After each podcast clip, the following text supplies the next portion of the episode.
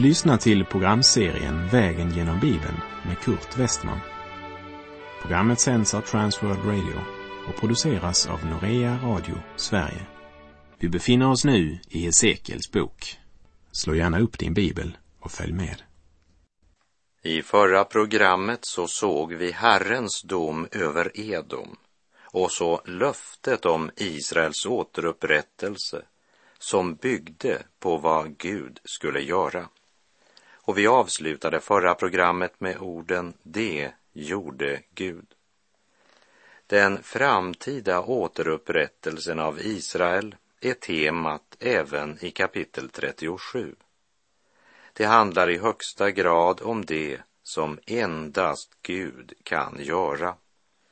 Det handlar om döda, förtorkade ben som plötsligt får liv. Det handlar om uppståndelsekraft. Det handlar om en vind från evighetens värld. Kort sagt, det handlar om den allsmäktige Gud som helgar sitt namn. Det handlar om att nationen Israel bokstavligen görs levande. Därför är det viktigt att vi har klart för oss att här i Hesekiel kapitel 37 handlar det inte om uppståndelsen där alla troende uppstår till evigt liv utan det handlar om den fullständiga återupprättelsen av nationen Israel. Gud ger Hesekiel en verklig och levande liknelse. Och för att göra det så tar Gud honom med sig till en dal som var full med ben.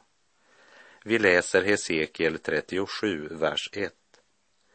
Herrens hand kom över mig och genom Herrens ande fördes jag bort och sattes ner mitt i en dal som var full med ben. Han förde mig fram bland dem och se, det låg där i stora mängder utöver dalen. Och se, det var alldeles förtorkade. Dalen, det är sluttningen vid floden Kebar utanför Tel Abib som vi läste om i Hesekiel kapitel 3, vers 15. Men nu finns det inga levande människor där längre. Och de är inte bara döda, men skelettdelarna ligger kringströdda och är så förtorkade att de saknar både kött och ben. Med egna ögon ser Hesekiel det som Paulus senare förkunnar för de troende i Rom i Romarbrevet 6.3. Syndens lön är döden. Det Hesekiel ser, det är konsekvensen av att man brutit Guds bud och lyssnat till falska profeter som tröstat folket i deras synder.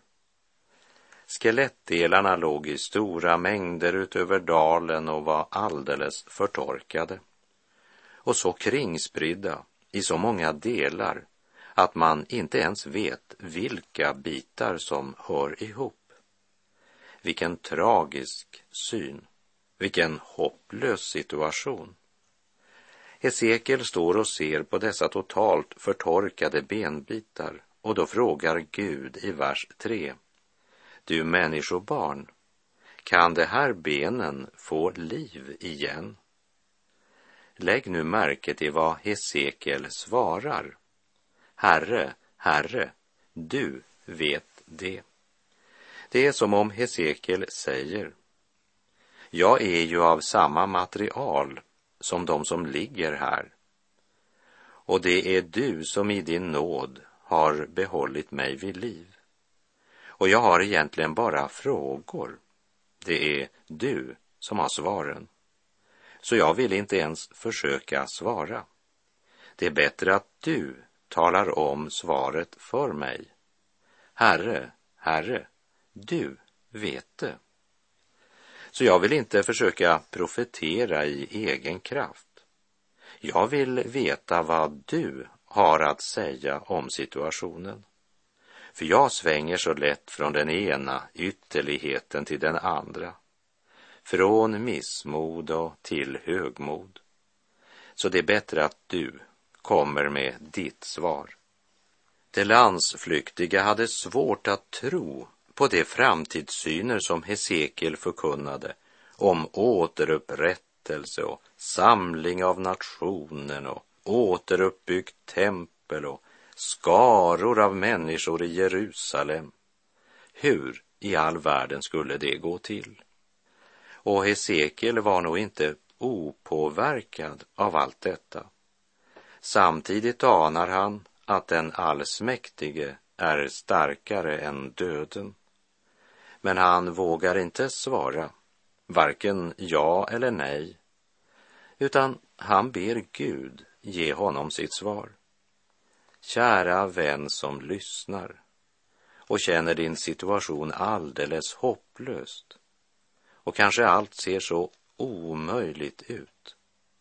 Försök inte tänka ut vilka möjligheter du har. Låt istället Gud tala om vad han kan göra i ditt liv. Låt oss nu höra vad Gud svarar Hesekiel. Hesekiel 37, vers 4. Då sade han till mig, profetera över dessa ben och säg till dem, ni förtorkade ben, hör Herrens ord. Det är som jag tyckte mig höra Hesekiel fråga.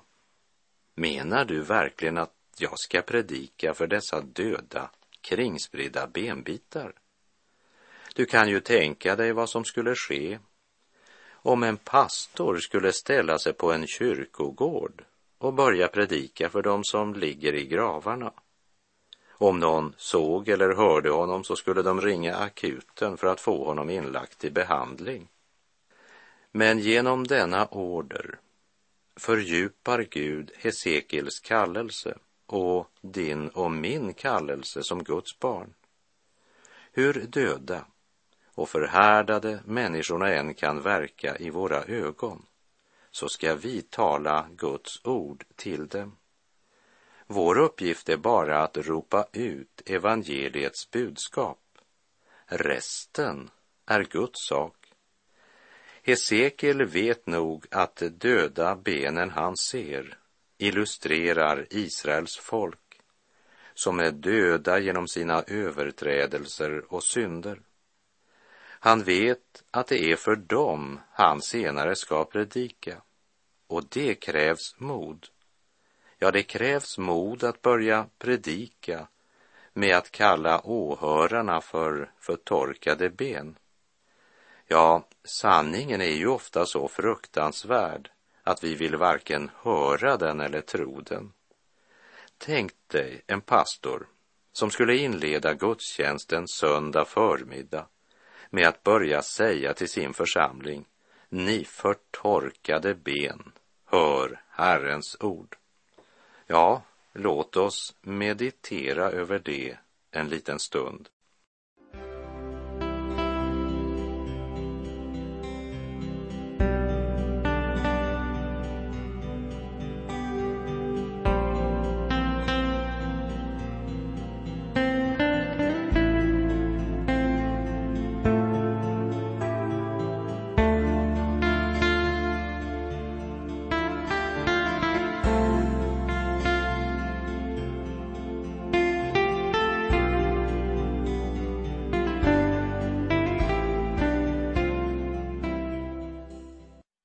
Hesekiel ser ut över den här dalen som är fylld av benrester som förtorkat.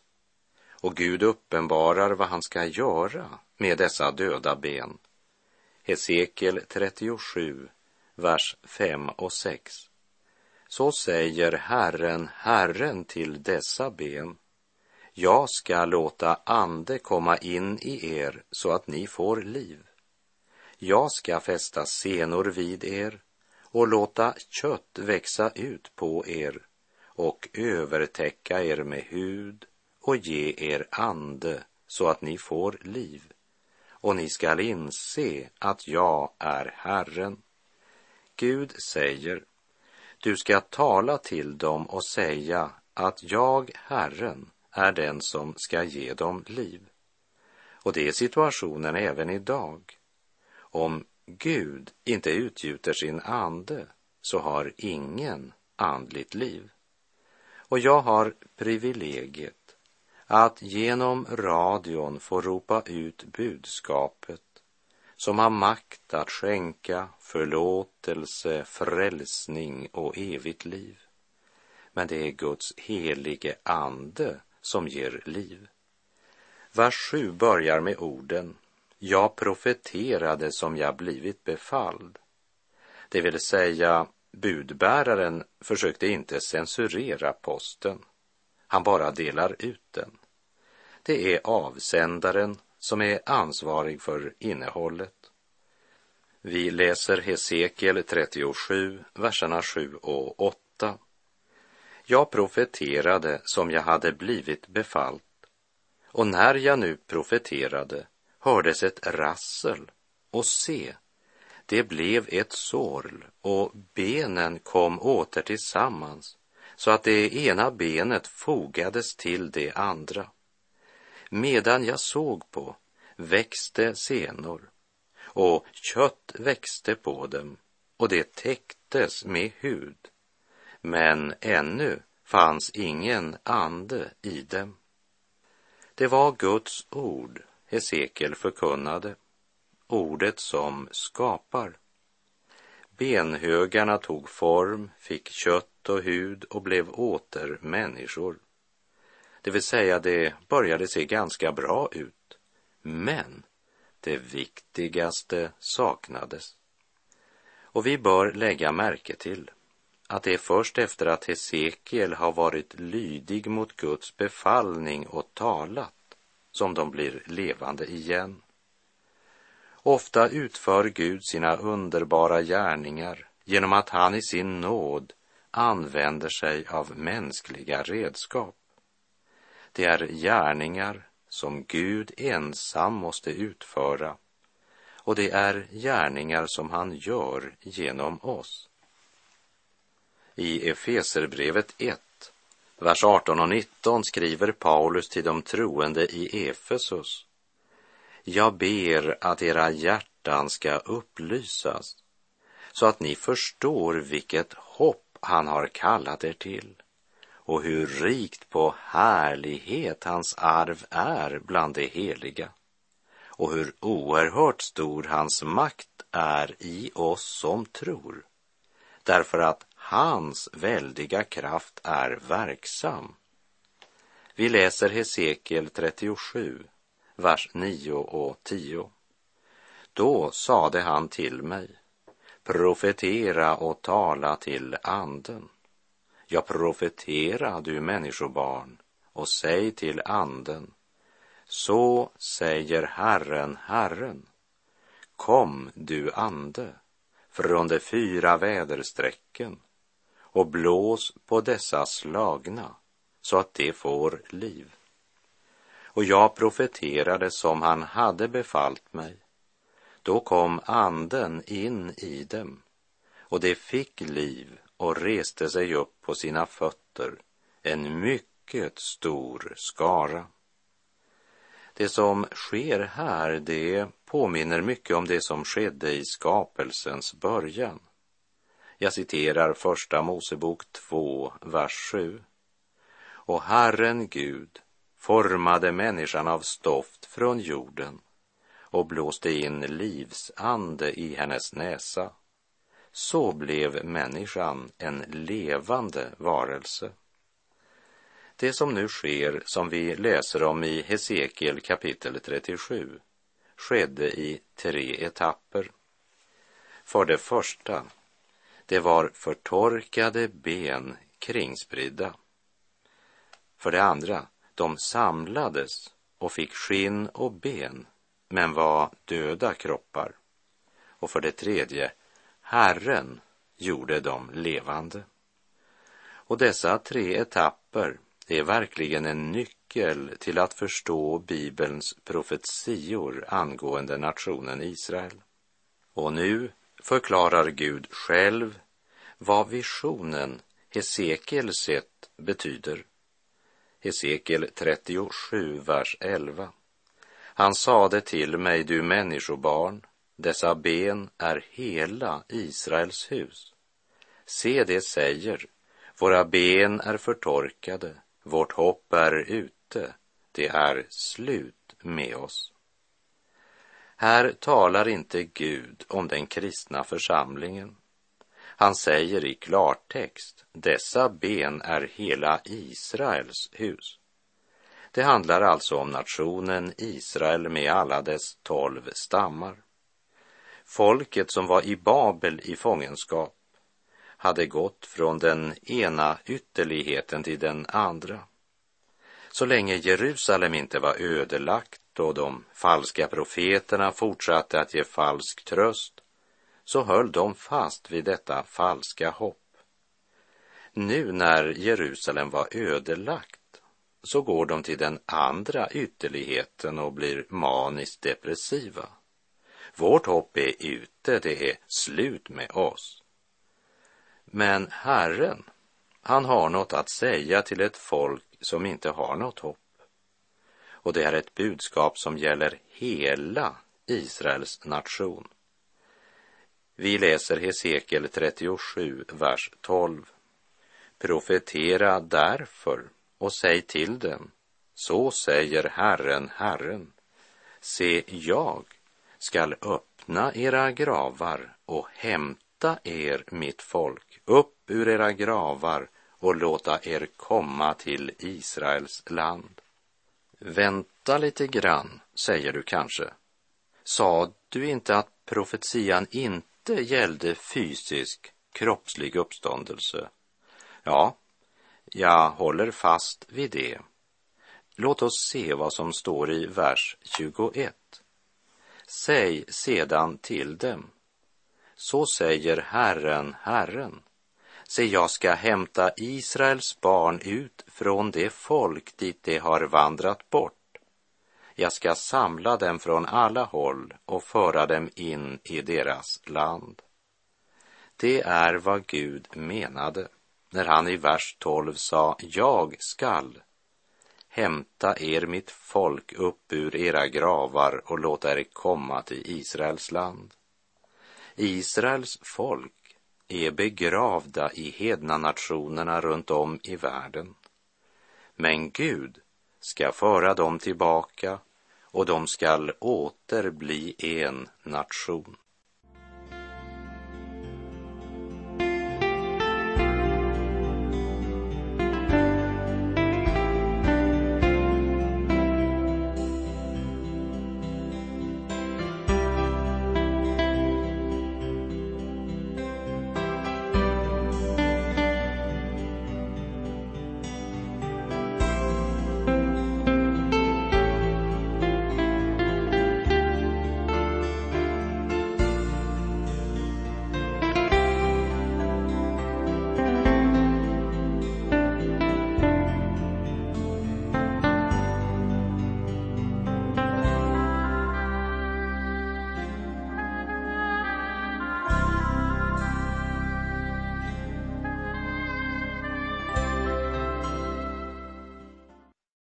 Jag vill helt medvetet vara lite försiktig när jag nu säger något om de tre stadierna när det gäller benen Hesekiel såg.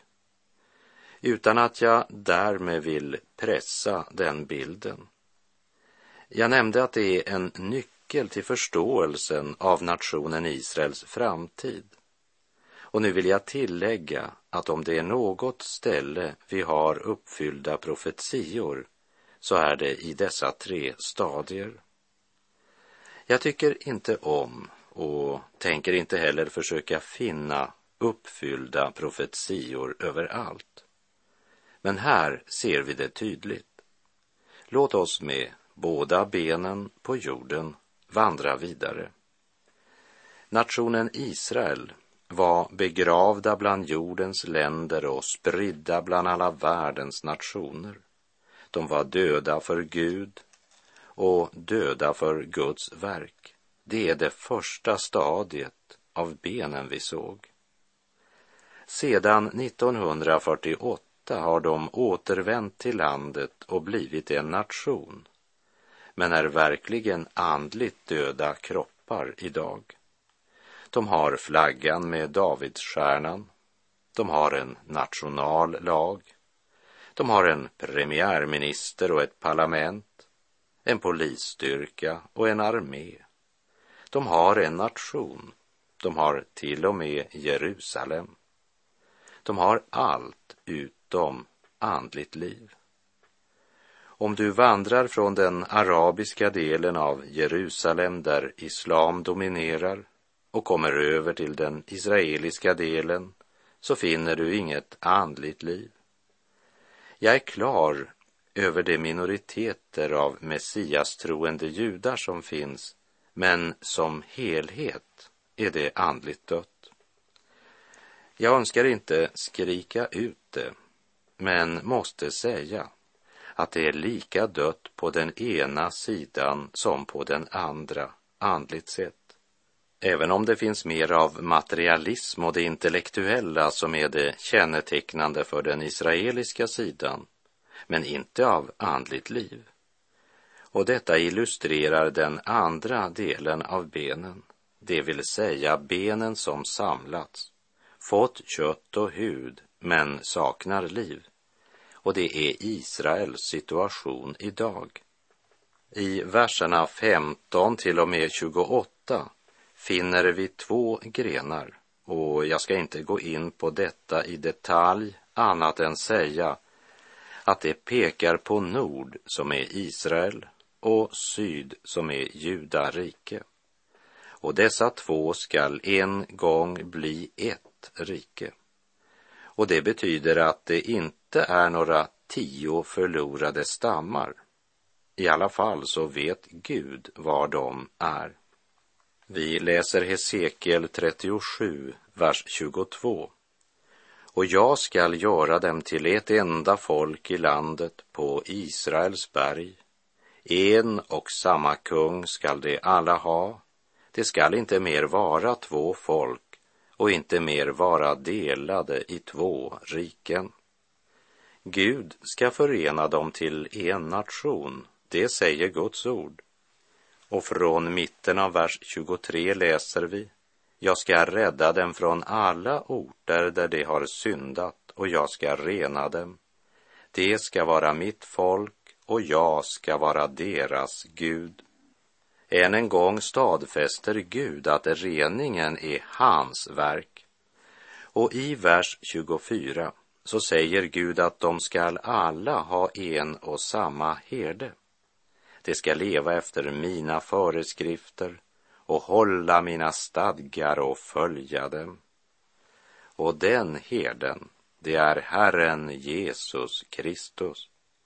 När han kommer, han som föddes av Davids släktlinje som vi minns från Matteus 1 och från Lukas kapitel 1 och 2, han skall regera över dem. Hesekiel 37, 28. Och folken skall inse att jag är Herren som helgar Israel, när min helgedom är mitt ibland dem för evigt. Den här versen, den väntar ännu på sin uppfyllelse. Min helgedom är mitt ibland dem, säger Herren med tanke på templet. Ja, till och med hedningarna ska böja sig i tro när han ser på att här är Gud, när de ser hur Herren helgar Israel. Helgar, det vill säga, han avskiljer dem från andra folk för Herren.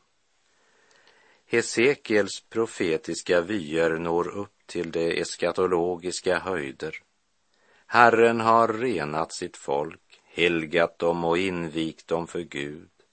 Därför kommer det för alltid att vara ett enat rike. Och än en gång säger han, och folken ska inse att jag är Herren. Guds ord och löfte skall realiseras när hans stund kommer.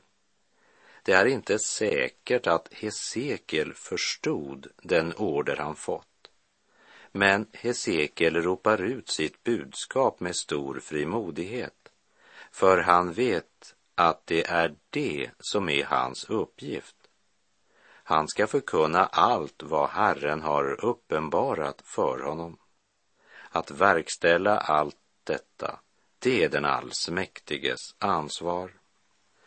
För Hesekiel går tydligen profetia och uppfyllelse i ett med befrielsen från fångenskapet i Babel och folkets hemkomst. Men att Guds tankar och det profetiska budskapet sträcker sig längre utgör ingen besvikelse för Guds folk utan endast en underbar, glädjande överraskning. Här vill jag citera profeten Jesaja kapitel 55, vers 8 och 9. Se, mina tankar är inte era tankar och era vägar är inte mina vägar, säger Herren. Nej, så mycket som himlen är högre än jorden, så mycket är mina vägar högre än era vägar och mina tankar högre än era tankar. Hör detta, du modlösa människa. Lyft din blick till det land där solen aldrig dalar, där inga gravar finns och där döden inte ens ska vara ett minne. Försök att gripa denna sanning med ditt hjärta. Denna framtid väntar på dig. Då har du nycklarna till alla livsgåtor i din egen hand. Och som forsen skapar sin sång i stupet, så vill lidande, längtan och tro lära dig sången som aldrig dör. Jesus säger, jag är uppståndelsen och livet. Den som tror på mig, han ska leva även om han dör. Och jag profeterade som han hade befallt mig. Då kom anden in i dem och de fick liv och reste sig upp på sina fötter, en mycket stor skara. Och med det så är vår tid ute för den här gången. Sök Herren medan han låter sig finnas. Åkalla honom medan han är nära. Och säg till Herren, döm mitt hjärta här i tiden innan världen döms av dig och när tiden är förliden i ditt domslut fria mig. Herren vare med dig, må hans välsignelse vila över dig. Gud är god.